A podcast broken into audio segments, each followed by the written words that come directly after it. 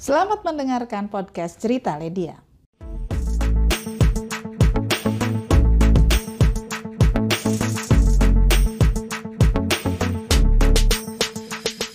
RU tindak pidana kekerasan seksual akan ditentukan hari ini dalam sidang paripurna. Sementara fraksi PKS DPR masih bersikap menentang rancangan undang-undang tindak pidana kekerasan seksual. PKS nilai RU TPKS hanya sebatas kekerasan seksual tanpa mengatur pidana terkait kebebasan dan penyimpangan seksual. Kami akan membahasnya langsung bersama Sekretaris Fraksi PKS DPR RI, Ledia Hanifa. Elshita News and Talk. Bu Ledia, Ya, ya selamat pagi Bu Ledia. Waalaikumsalam warahmatullahi wabarakatuh. Selamat Ya, pagi. mm-mm. Selamat pagi. Bu Ledia, apa sebenarnya yang diharapkan eh, fraksi PKS ya terkait rancangan undang-undang ini? Karena kan ini masih menentang karena tadi disampaikan ini tidak mengatur pidana terkait kebebasan dan penyimpangan seksual. Ah, jadi gini, karena kita lihat itu eh, menjadi satu kesatuan ya, karena itu berkait berkelindan. Makanya eh, di pandangan fraksi PKS DPR RI pada rapat eh, pleno di Badan Legislasi DPR RI kita sudah menyampaikan bahwa kita sepakat bahwa kejahatan seksual itu harus dihukum seberat-beratnya. Kedua, karena itu jadi bagian yang eh, apa namanya bis, eh, ada probabilitasnya cukup besar untuk saling keterkaitannya antara ke, kekerasan seksual, ke eh, kebebasan dan penyimpangan seksual, maka selayaknya itu diatur eh, menjadi satu. Bisa dengan beberapa cara. Kami sudah menawarkan beberapa opsi. Pertama, sahkan RUU KUHP yang sebetulnya carry over. Dan kalau carry over itu sebenarnya udah nggak perlu dibahas lagi karena udah siap, nggak mulai dari nol lagi. Dan itu sudah dibahas bersama pemerintah di bulan September 2019. Eh, itu sudah ada pengaturannya dan itu waktu itu sudah disepakati dengan pihak dari pemerintah pada saat itu. Kemudian atau kemudian eh, pengaturannya dimasukkan ke dalam RUU TPKS. Tapi pada kenyataannya kan memang eh, pemerintah juga yang carry over ini yang sebenarnya kalau carry over tuh mempermudah kan, tidak harus mengulang dari awal. Yang udah carry overnya belum dibahas. Eh, kemudian juga eh, ya, pengaturannya kalau ditawarkan di alternatif kedua adalah memasukkan pengaturan yang di dalam rancangan undang-undang tindak pidana kekerasan seksual juga tidak disetujui. Sehingga ya eh, tadi bagian yang diusulkan oleh PKS dalam hal ini dalam hal-hal tersebut karena itu mestinya jadi satu satu kesatuan pengaturan maka kemudian kami eh, belum menyetujui itu untuk di, eh, bah- ditambah dibahas di tingkat selanjutnya gitu. Ya, Bu Ledia maksudnya jadi dari RUU KUHP ini akan disatukan gitu dalam RUU Jadi- TPKS atau Jadi bagaimana? gini, RUU KUHP di 2019, jadi periode lalu ya. Hmm. Jadi RUU yang dibahas di periode lalu tuh sudah ada pengaturan-pengaturan yang terkait dengan Hmm. kekerasan, kebebasan dan juga penyimpangan. Itu udah jadi satu hal yang diatur. Sebenarnya tawarannya PKS gini, sahkan itu KUHP bersamaan dengan TPKS. Atau eh, kemudian eh, peng- kalau KUHP-nya belum mau belum mau dibahas disahkan, eh, maka kemudian dijadikan diambil saja pengaturan-pengaturan itu dimasukkan ke dalam pengaturan TPKS gitu. Hmm, baik. Harusnya jadi yang sudah ada ini kan sudah ada sebenarnya di RUU KUHP ini. Harusnya dimasukkan saja ke dalam RUU TPKS begitu Bu Ledia. Eh, jadi eh, harus dibedakan gini Mas Hmm. eh, antara yang existing existing itu ada pengaturan tentang tentang zina tetapi zinanya tidak di eh, masih hanya terkait sama orang yang berkait dengan perkawinan. Tetapi pada banyak kasus kekerasan seksual diawalinya dengan yang di luar perkawinan. Eh, jadi itu menjadi bagian yang juga harus di, di luar perkawinan dan eh, apa suka sama suka istilahnya gitu ya. Nah, karenanya itu kemudian ada beberapa pengaturannya di rancangan eh, Undang-Undang KUHP yang dibahas di periode lalu, periode 2014-2019, dan itu eh, waktu itu sudah sampai tak pembahasan tingkat satu, jadi udah dibahas sama pemerintah eh, bersama-sama dengan DPR. Nah, tinggal us- usulan kami itu disahkan saja karena itu carry over sifatnya, dan kalau carry over itu biasa bisa bisa langsung disepakati saja oleh pemerintah dan DPR, nggak harus dibahas dari nol lagi atau kalau belum mau pemerintah membahas apa membahas KUHP itu pindahkan saja isinya ke dalam PPKS gitu. Bu Lady kita undang pendengar juga ya. Kita ingin tahu bagaimana tanggapan masyarakat silakan Anda dapat menyampaikannya melalui telepon di 0215869000 atau WA pesan singkat 8118065543. Apa yang menyebabkan RUU KUHP ini tidak jadi disahkan Bu Ledia sebenarnya? Uh, sebetulnya enggak itu di periode lalu di akhir masa periode lalu ya. Kemudian kan pemerintah Pak Jokowi dalam hal ini mem, mem, menghentikan pembahasan itu, nggak mau ikut, nggak mau meneruskan pembahasan. Uh, uh, bisa saja sih seperti itu. Tetapi kemudian kan di Badan Legislasi DPR RI di periode itu sudah memutuskan bahwa KUHP itu carry over statusnya karena di Undang-Undang 15 uh, 2000 berapa 2019 ya baru itu disebutkan bahwa memungkinkan ada yang mekanisme carry over supaya nggak lama ya nggak berlarut-larut dari yeah. nol lagi gitu. Nah uh, kita uh, pada saat ini di, di di periode 2019-2024 ini sebetulnya sudah uh, menerima bahwa itu adalah carry over sehingga tinggal dibahas saja tinggal diskusinya nanti lebih dalam lagi dengan pemerintah berkaitan dengan itu. Karena pengaturan di KUHP dugaan saya sih karena pengaturan di KUHP itu sangat banyak bukan cuma terkait dengan hal tersebut. Mungkin ada masih ada hal-hal yang mau ditimbang oleh pemerintah walau alam. Hmm iya kalau mengenai rancangan undang-undang TPKS sendiri hmm. bagaimana sebenarnya Bu Ledia uh, apanya nih prosesnya atau iya. prosedurnya? Kan masih ya kan masih dari fraksi PKS juga ini kan masih istilahnya belum belum menyetujui secara penuh rancangan undang-undang TPKS ini. Jadi gini kalau mekanisme pembahasan di DPR RI karena ini statusnya adalah uh, inisiatif DPR. Hmm. Jadi dia menyusun draftnya itu adanya di DPR.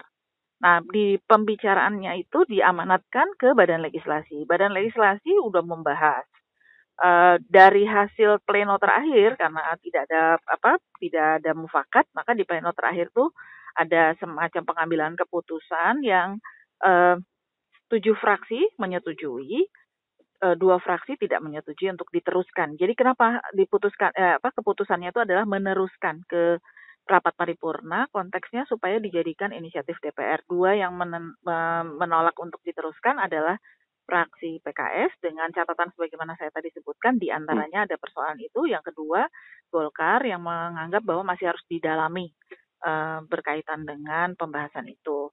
Nah, ini tetap uh, di sur, uh, apa Badan Legislasi karena tadinya apa bentuknya uh, dibilang voting juga nggak voting ya, tapi maksudnya pengambilan keputusannya dengan suara yang lebih banyak, maka kemudian dibawa ke badan uh, ke di surat bersurat ke pimpinan DPR. Pimpinan DPR nanti akan melakukan penjadwalan di badan musyawarah melalui bukan di melalui badan musyawarah untuk kapan dia akan di uh, dijadikan inisiatif DPR.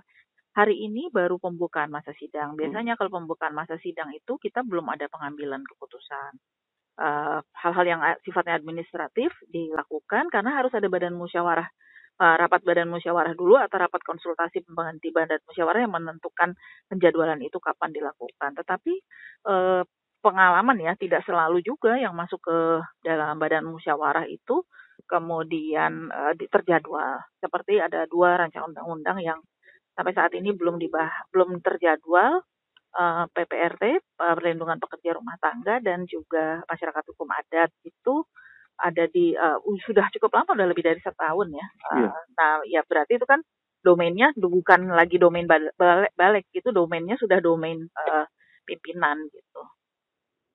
Iya, uh, Bu Ledia sebenarnya kalau dari fraksi PKS sendiri melihat rancangan undang-undang tindak pidana kekerasan ini apa yang kurang, Bu?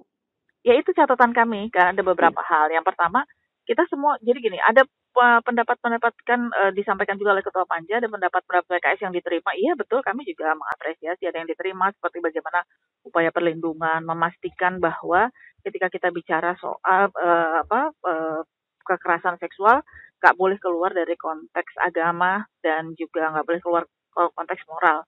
Itu harus e, apa harus dipegang betul.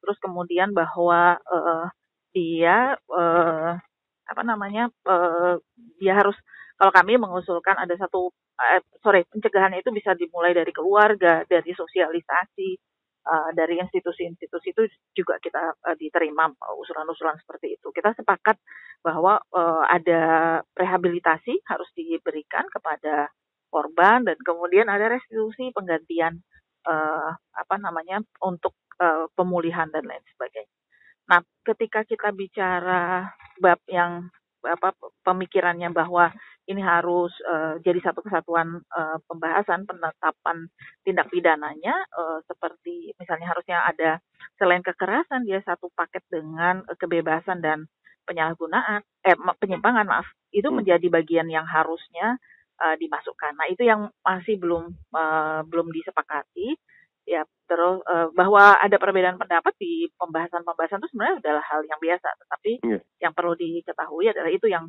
jadi apa pemikiran PKS yang menyebabkan kemudian kita menolak untuk diteruskan karena sebenarnya itu bisa, masih bisa di apa dibahas menurut kami dibahas dan dicari titik temunya. Uh, kami juga memberi catatan hmm. begini, ada beberapa hal yang kita betul-betul harus uh, memikirkan lebih lanjut lagi. Ketika ini uh, di gulirkan dia tidak boleh jadi undang-undang yang uh, kemudian uh, dimaknai. Memang tidak tertulis, tapi dimaknai sebagai kan seksual consent, uh, persetujuan seksual yang dibolehkan jika kalau tidak ada kekerasan berarti itu dibolehkan. Nah, uh, kami menghindari itu kemudian tersebar stigmanya di masyarakat dibolehkan. Karena dalam undang-undang yang sudah cukup uh, detail saja seperti misalnya undang-undang perlindungan anak karena saya ketua panja uh, perubahan undang-undang perlindungan anak uh, perubahan pertama perlindungan anak di tahun 2014 yang ketika kita memutuskan untuk kejahatan seksual terhadap anak dinaikkan uh, apa uh, hukumannya maksimal maksimalnya dari 15 jadi 20 tahun kemudian ada iya. pemberatan ada restitusi ada rehabilitasi itu saja sampai sekarang belum di belum bisa terimplementasi dengan baik Uh, padahal presiden bahkan kemudian kan mengeluarkan perpu yang terkait dengan dulu kita kenal sebagai perpu kebiri, udah jadi undang-undang 17 2016, uh, perubahan kedua undang-undang perlindungan anak, tapi ternyata kemudian juga tidak implementasi. Jadi ketika kita bahas uh, eh, RUU TPKS ini kan ada banyak kasus-kasus yang menimpa korbannya hmm. kebanyakan anak siswa dan lain sebagainya itu yeah. domainnya domain di Undang-Undang Perlindungan Anak. Itu musuhnya udah dan itu udah keluar dari tahun 2014 dan 2016 kan. Harusnya udah nggak nggak masalah lagi, harusnya udah selesai. Tapi ternyata masih belum selesai juga. Jadi uh, PR-PR kita itu sebetulnya nanti adalah konsistensi pada uh, implementasinya. Konsistensi pada implementasi ini yang menjadi bagian sangat penting. Kan kalau kita bicara soal udah instruksi presiden loh. RUU TPKS itu kan dikatakan presiden meminta segera disahkan. Dulu Perpu Kebiri kan juga begitu. Uh, dimintakan untuk segera karena ini kejahatan darurat kejahatan terhadap anak, kejahatan seksual terhadap anak. Dan uh, sampai sekarang kita belum pernah dengar tuh ada yang di maksimal 20 tahun misalnya hukumannya, terus hukuman tambahannya dikebiri atau seumur hidup jadinya. Karena kan di di undang-undang itu bisa uh, sampai pada tahapan seumur hidup, dikebiri, dipasang chip dan lain sebagainya. Uh, iya. Tapi kita belum pernah dengar kan sampai sekarang. Nah ini jadi bagian yang penting buat kita untuk konsisten nanti kalau kita mau eh, mengimplementasi. Makanya tadi PKS melihat itu sebagai satu pengaturan yang harus jadi satu kesatuan agar menutupi celah-celah kemungkinan terjadinya persoalan-persoalan Iya, uh, Bu Ledia tadi sudah disampaikan ya Presiden juga mendorong RUU tersebut untuk segera disahkan, tapi tentunya yang jadi masih jadi persoalan adalah implementasinya di lapangan atau penerapannya di lapangan ya, Bu Ledia. Mm -hmm, iya, itu menjadi apa menjadi tugas pemerintah harus sangat aware terhadap itu. Gitu. Iya, tentunya apa yang sudah diundangkan jangan sampai hanya menjadi undang-undang, tapi di lapangan ini tidak memberikan dampak ataupun istilahnya tidak memberikan keadilan Bu Ledia. Iya betul betul. Iya, bagaimana nantinya sendiri dari uh, fraksi PKS mungkin mendorong dari penerapan di lapangan terhadap ini kan uh, juga sesuatu yang menjadi perhatian publik, perhatian masyarakat. Hmm. Jadi kalau berkaitan dengan kondisi existing yang ada ya, eh, hmm. teman-teman uh, dari PKS juga punya apa namanya uh, layanan pengaduan uh, dalam bagi korban uh, kejahatan seksual baik anak maupun dewasa. Kemudian juga kita mendorong terutama yang uh, kepala daerahnya dari PKS P2 TP2A itu satu lembaga di daerah ya yang itu harus dihidupkan. Karena dia akan uh, apa memberikan perlindungan pada perempuan dan anak secara spesifik bukan cuma dari kejahatan seksual dari hal-hal yang lain pembiaran dari hal apa namanya pengabaian. Itu juga termasuk uh, hal yang apa uh, dilakukan ya di di situ. Jadi uh, tapi ketika kemudian kita bicara uh, soal uh, undang-undangnya sekarang, undang-undang TPKS itu karena berdasarkan pengalaman juga kita lihat ini harusnya satu paket penyelesaiannya itu sendiri sehingga nanti uh, apa namanya kita ketika akan mengimplementasinya pemerintah dalam hal ini pemerintah ya akan pelaksananya kan pemerintah ketika pemerintah akan melaksanakan tuh uh, sudah uh, tidak ada lagi celah-celah nggak ada alasan lagi gitu uh, ketika penegak hukum bilang ini kan begini enggak ini udah ada diatur di sini gitu jadi jadi satu kesatuan pengaturan gitu Iya, Bu Ledia melihat kurangnya kurang baiknya implementasi di lapangan apakah dari pemahaman-pemahaman sendiri di lapangan atau bagaimana? Uh, kalau saya memandang gini, ke saya pernah hmm. ditugas di Komisi 8 waktu itu jadi pimpinan hmm. Komisi 8 mengingatkan uh, apa namanya Kementerian Pemberdayaan Perempuan Perlindungan Anak. E, waktu itu konteksnya adalah Undang-Undang Perlindungan Anak ya. Kita kan laporan dari KPAI 2000 Undang-Undang perubahan pertamanya 2014 disahkan di 2015 uh, akhir itu KPAI, Komisi Perlindungan Anak Indonesia menyampaikan bahwa pada kasus-kasus kejahatan seksual terhadap anak itu ternyata hanya 11% yang hukumannya lebih dari 10 tahun. Emang itu sudah jadi kewenangan hakim. Tetapi kan ketika kita bicara soal uh, kepentingan terbaik untuk anak, itu kan yeah. juga harus lebih dalam. Nah, padahal mak hukuman maksimal maksimal itu sudah dinaikkan dari 15 jadi 20, tapi hanya 11% yang di atas 10. Nah, uh, kemudian bagaimana uh, bagaimana kita uh, mendorong untuk uh, keberpihakan pada kepentingan terhadap anak itu kan berarti aparat penegak hukum perlu juga mendapatkan uh, sosialisasi dalam sudut pandang itu, sudut pandang apa namanya uh, kepentingan terbaik untuk anak. Nah pada saat itu kita sudah mendorong supaya ada sosialisasi, karena memang nggak uh, bisa ditutup mata ya yang punya ke kewenangan untuk sosialisasi itu kan adanya di Kementerian Pemberdayaan Perempuan Perlindungan Anak, anggarannya sangat kecil sehingga mm, nggak bisa secara maksimal, secara masif. Sementara kan kasus-kasus itu ada di seluruh Indonesia. Ada iya. kasus-kasus yang kelihatan sama publik, ada kasus-kasus yang nggak kelihatan sama publik. Nah, ketika kemudian ini bisa di apa namanya lebih tersosialisasi, terutama di aparat penegak hukum, kan kalau kalau di pemerintahan daerah itu kan sudah dengan lewat Kementerian Dalam Negeri gitu. Uh, hmm. Nah ini kita perlu uh, karena ujung tombaknya nanti aparat penegak hukum ya berarti mereka yang perlu kita uh, berikan uh, tambahan gitu ya diskusi-diskusi uh, yang intens terkait dengan kepentingan uh, ya apa upaya kita untuk kepentingan terhadap korban gitu. Jadi tidak ada lagi kasus-kasus kayak kemarin yang ternyata korban bunuh diri karena ditahan polisi di di apa di katakanlah diperas oleh polisi dengan cara tadi uh, apa di dijadikan korban gitu sudah korban hmm. korban lagi gitu dua kali iya. lipat kayak gitu nah nggak boleh nggak bisa ada kayak gitu jadi memang betul-betul harus disosialisasi kalau secara teknisnya harus betul-betul disosialisasi ke pada aparat penegak hukum meminimalisir belum lagi misalnya yang ditahanan dan lain sebagainya uh, iya. ya, artinya yang di di dalam lembaga negara saja di bawah institusi yang di bawah negara saja itu mungkin terjadi. Di luar itu juga apalagi gitu kan. Jadi memang harus lebih masif. Sosialisasi yeah. uh, berkaitan dengan itu. Perlindungan terhadap korban. Baik. Bu Ledia kita jumpai pendengar ya. Ada Pak Poltak di Depok. Selamat pagi Pak Poltak. Pagi Mas. Ya, pagi Bu. iya Pak Poltak Iya, saya setuju itu undang-undang perlindungan anak itu harus cepat-cepat diberesin ini saya ada kasus juga agak bingung juga nih Bu. Mudah-mudahan Ibu bisa bantu saya nih Bu. Gimana Pak? Anak, anak umur 14 tahun hilang dibawa lari orang dilaporkan di Polres Jakarta Utara. Kemudian beberapa hari kemudian atas bantuan El Sinta juga akhirnya ketemu ini anak. Hmm. Kemudian setelah ketemu kami bawa pulang ke Pandeglang. Sampai di Pandeglang diambil lagi nih sama laki-laki itu berusia 32 tahun. Kemudian uh, dibawa lari lagi. Akhirnya ini anak kabur lagi dari si laki-laki itu karena katanya mau dijual. Umurnya 14 tahun bu. Perempuan. Hmm. saya pikir itu masih dibawa anak. Hmm. nah sekarang saya bingung laporannya ke Polres mana gitu loh. Bu apa mesti ke KPAI atau gimana ya bu? Itu aja ya bu ya, gitu loh iya uh, baik pak baik pak Poltak ini uh, kasusnya memang cukup banyak yang berada di kita tuh Nah ini tetapi undang-undangnya bukan perlindungan anak nih, justru tindak pidana perdagangan orang. Uh, kalau itu uh, betul-betul apa unsur uh, penjualan. Jadi di Indonesia itu masih banyak uh, yang terkamuflase disebutnya iya. mau kerja, di nanti dikecarikan pekerjaan, nanti bisa jadi terkenal di segala macam ya sesungguhnya itu jatuhnya pada tindak pidana perdagangan orang.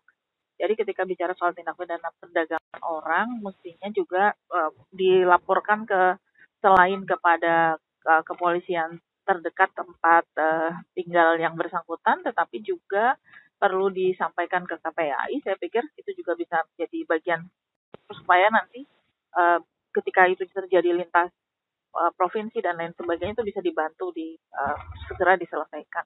Saran saya melapor juga ke KPAI selain kepada kepolisian uh, terdekat. Jadi nanti dibangunkan koordinasi oleh oleh KPAI-nya gitu. Iya, ini uh, kasus yang dialami tadi oleh Pak Poltak ini semoga dapat segera ini ya amin, uh, ditangani amin, ya. Tertangani ya. Jadi Mas Dwi, jadi hmm. gini uh, uh, memang ini susah nih uh, RUU TPKS itu lintasnya sangat banyak dari perlindungan anak, undang-undang perlindungan anak, undang-undang tentang tindak pidana uh, apa uh, perdagangan orang, undang-undang pornografi, undang-undang uh, penghapusan kekerasan dalam rumah tangga itu terkait semua gitu. Jadi makanya kemudian uh, kalau PKS menganggap bahwa ini jadi jadi satu pengaturan soal uh, kebebasan dan penyimpangan itu dijadikan satu di dalam itu karena udah banyak kasusnya yang akhirnya menyebabkan uh, apa namanya korbannya berkali-kali lipat mendapatkan uh, apa mendapatkan siksaan gitu lah ya kalau kata kita hmm. gitu. Uh, itu jadi bagian yang yang menjadi concern PKS di situ.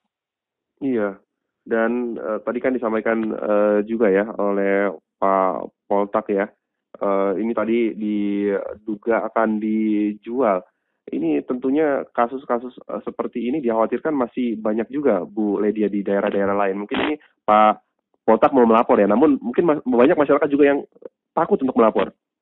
Uh, sebetulnya gini, karena hmm. kita sudah uh, sekarang ini uh, sebenarnya udah mulai dari 2022 2023 ya hal-hal yang hmm. lebih kepada perlindungan masyarakat, perlindungan korban itu sudah cukup banyak dibuatkan undang-undangnya. Jadi yeah. tinggal bagaimana kemudian kita uh, berani saja melapor kepada aparat penegak hukum. Nah, PR berikutnya adalah dari pemerintah nanti mem harus memberikan keengahan, keengahan apa ya, ke, ke awareness lah, awareness iya. kita yeah. pada aparat penegak hukum, kepada uh, pihak sekolah, kepada pihak uh, uh, apa namanya uh, pemerintahan daerah itu bahwa hal-hal seperti ini sebenarnya harus menjadi uh, cermatan semua. Karena nanti uh, uh, korbannya bisa bertambah banyak kalau kalau kita tidak memiliki satu sistem pencegahan. Dan uh, nggak bisa sekedar ad hoc misalnya bikin satgas saja nggak bisa. Harus harus ad hoc ya ad hoc dalam arti eh nggak boleh ad hoc sorry nggak boleh ad hoc dalam arti memang, memang awareness pekerjaannya gitu. Nah kita punya PR eh, sumber-sumber awalnya kan bisa jadi karena pornografi. Sementara undang-undang pornografi ini di pelaksanaan di pemerintah gugus tugasnya aja nggak jalan. Dari waktu itu sampai sekarang belum jalan. Terus ketika kita bicara soal apa-apa PKDRT, ketika kita bicara soal perlindungan anak, jadi harus satu kesatuan sistem apa sistem koordinasi yang e, mau tidak mau harus dikuatkan. Nah, di sini sebetulnya kalau mau menguatkan Kementerian Pemberdayaan Perempuan Perlindungan Anak tuh bisa gitu. Uh, tinggal ini siapa tinggal tinggal apa ya goodwillnya pemerintah aja karena kalau di undang-undang kementerian tuh statusnya adalah klaster ketiga. Klaster ketiga itu lebih kepada administratif uh, apa controlling gitu aja. Tapi kewenangan melakukan koordinasi dan kemudian jejaring sampai tingkat kota kabupaten tuh nggak ada. Jadi ini yang apa perlu di difikirkan kembali oleh pemerintah pada isu-isu dan kasus-kasus seperti ini, ini mestinya di, diselesaikannya ada SOP-nya gitu. Jangan sendiri-sendiri gitu. Ada satgas lagi sendiri, ada ini sendiri. Yeah. Nah, harusnya bikin sistem sekalian keseluruhan. Baik, Bu Ledia kita jumpai dua pendengar ini ada di Medan dan Surabaya. Kita ke Medan dulu ada Pak Soga. Selamat pagi Pak Soga. Pak Soga. Terima kasih. Ya. Radio dan Ibu narasumber. Bu Ledia ya. Iya, pagi nah, Pak Soga. Ya, kalau kita lihat seperti akhir-akhir ini, perdagangan anak atau menjadi pelecehan seksual itu Jadi kalau menurut saya ya Bu, tapi kita mungkin berbeda pendapat. Tertibkan dulu namanya narkoba, sabu-sabu, ganja dan sebagainya. Itu yang pertama sumber malapetaka di sini. Iya, iya. Apabila orang sudah memakai ini, dia tidak mempunyai moral. Mhm. Nah, ini ditertibkan dulu yang ini. Yang kedua, kita harus secara bersama-sama menghadapi ini. Jangan lagi hanya kita kepada pemerintah saja, kepada penegak hukum tidak. Lingkungan ada yang men- mencoba-coba menjual anak perempuan dan sebagainya. Ya. Tangkap. Tadi ini langsung terus di tempat perlu supaya gerah. Jadi kalau ini kita mencari prosesnya, birokrasinya sangat repot. Gitu. Iya. jadi itu saya kira yang paling penting kita pikirkan. Di mana setiap daerah ada kejadian, siapa germo-germonya, sikap. Baik. Jerah itu semua itu. Oke Pak, selamat pagi Pak, Bu. Terima kasih. Selamat Terima pagi, Pak kasih Soga. Pak Terima Soga kasih. di Medan. Sebelum ditanggapi, kita ke Surabaya ada Pak Teo. Pak Teo, selamat pagi. Pagi, Ya, silakan Pak Teo. Pak Bu, saya tidak akan membahas masalah teknis aturannya ataupun teknis pengaturannya di DPR mekanismenya, tetapi secara umum atmosfernya saja Bu. Ah, sebelum amandemen itu kan bunyinya di konstitusi kan presiden berhak membentuk undang-undang dengan persetujuan DPR dan seterusnya. Mhm. Nah setelah amandemen kan dibalik presiden eh, DPR berhak membentuk undang-undang dan seterusnya ber- dengan persetujuan presiden Mhm. DPR maksudnya Mhm. DPR berhak Hmm. membentuk undang-undang dengan persetujuan di- presiden dan seterusnya. Nah saya bukan bermaksud menghidupkan trias politika Mhm. tetapi secara penuh maksudnya tetapi bo ya itu karena konstitusi dituruti. Saya lihat inisiatif dari DPR kok kurang ini tentang pembentukan untuk UU itu. Oh banyak kan yang mengalir dari pemerintah. Itu satu. Yang kedua mohon semua itu eh, difokuskan pada kepentingan yang besar. Jangan jangan pertimbangan apa kepentingan kemudian voting dan seterusnya yang di seolah undang-undang itu berdasarkan kepentingan yang diputuskan dengan voting gitu.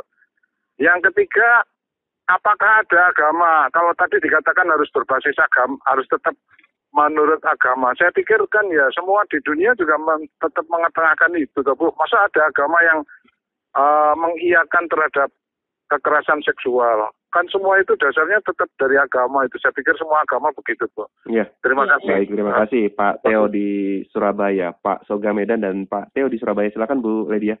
Ya, eh, saya sepakat dengan Pak Soga karena eh, dilaporkan eh, oleh Kementerian Sosial dan Kementerian Pemberdayaan Per- eh, Pemberdayaan Perempuan dan Perlindungan Anak di beberapa tahun yang lalu ketika marak kejadian terjadi kejahatan seksual terhadap anak itu memang ada tiga triggernya, pemicunya. Satu narkoba, kedua minuman beralkohol, ketiga pornografi. Tiga hal ini menjadi trigger eh, banyaknya kasus kejahatan sehingga memang harus ditangani, harus diatasi. Di antaranya juga di DPR sedang dibahas tentang eh, tentang undang-undang tentang larangan minuman beralkohol karena konteks itu menjadi sangat kuat. Yang kedua, eh, ketika kita bicara soal eh, gerakan, memang nggak bisa, nggak bisa cuma pemerintah aja, nggak bisa cuma DPR aja, harus semua Iya. bergerak. Tetapi karena kita negara hukum, nggak bisa juga ya kemudian oh, ada ketangkap, gebukin gitu, adili di tempat ya nggak bisa juga ya. Karena kan kita adalah negara kita adalah negara hukum sehingga kita perlu menyesal- menyelesaikan aturan karenanya maka aturan-aturan yang harus dibuat di eh, apa di DPR bersama-sama dengan pemerintah itu jangan yang eh, apa menyulitkan terutama dalam hal kasus kejahatan seksual itu kan eh, laporan saksi korban itu harusnya bisa di apa di eh, diterima sebagai pa- kesaksian gitu.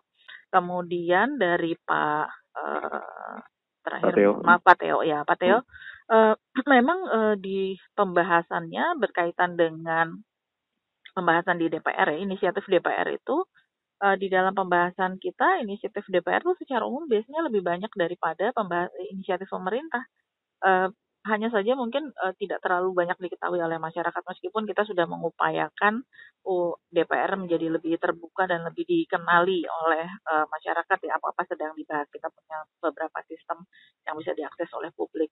Nah, persoalannya sebenarnya persoalan mendasarnya adalah uh, bagaimana kemudian pembahasan-pembahasan itu bisa berjalan dengan baik. Jadi ketika kemudian dilaporkan DPR hanya bisa menyelesaikan sekian undang-undang itu sebenarnya nggak DPR sendiri karena dalam undang-undang dasarnya kan DPR bersama dengan pemerintah dalam hal ini uh, dalam hal bersama presiden dalam hal ini diwakili oleh pemerintah ya.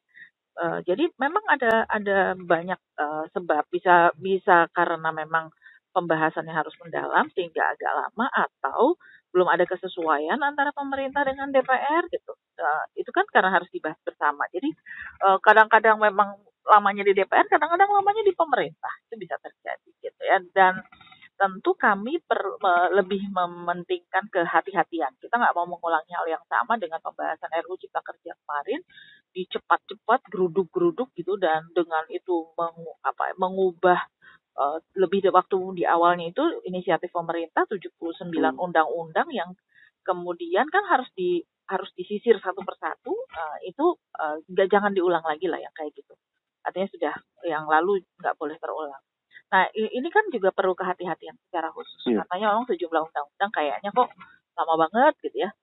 Memang cukup uh, cukup dalam. Karena ini pengaturannya mengatur, uh, mengatur hajat hidup orang banyak. Uh, yang tadi disebutkan uh, kan semua agama juga nggak mau ke kekerasan seksual. Iya betul.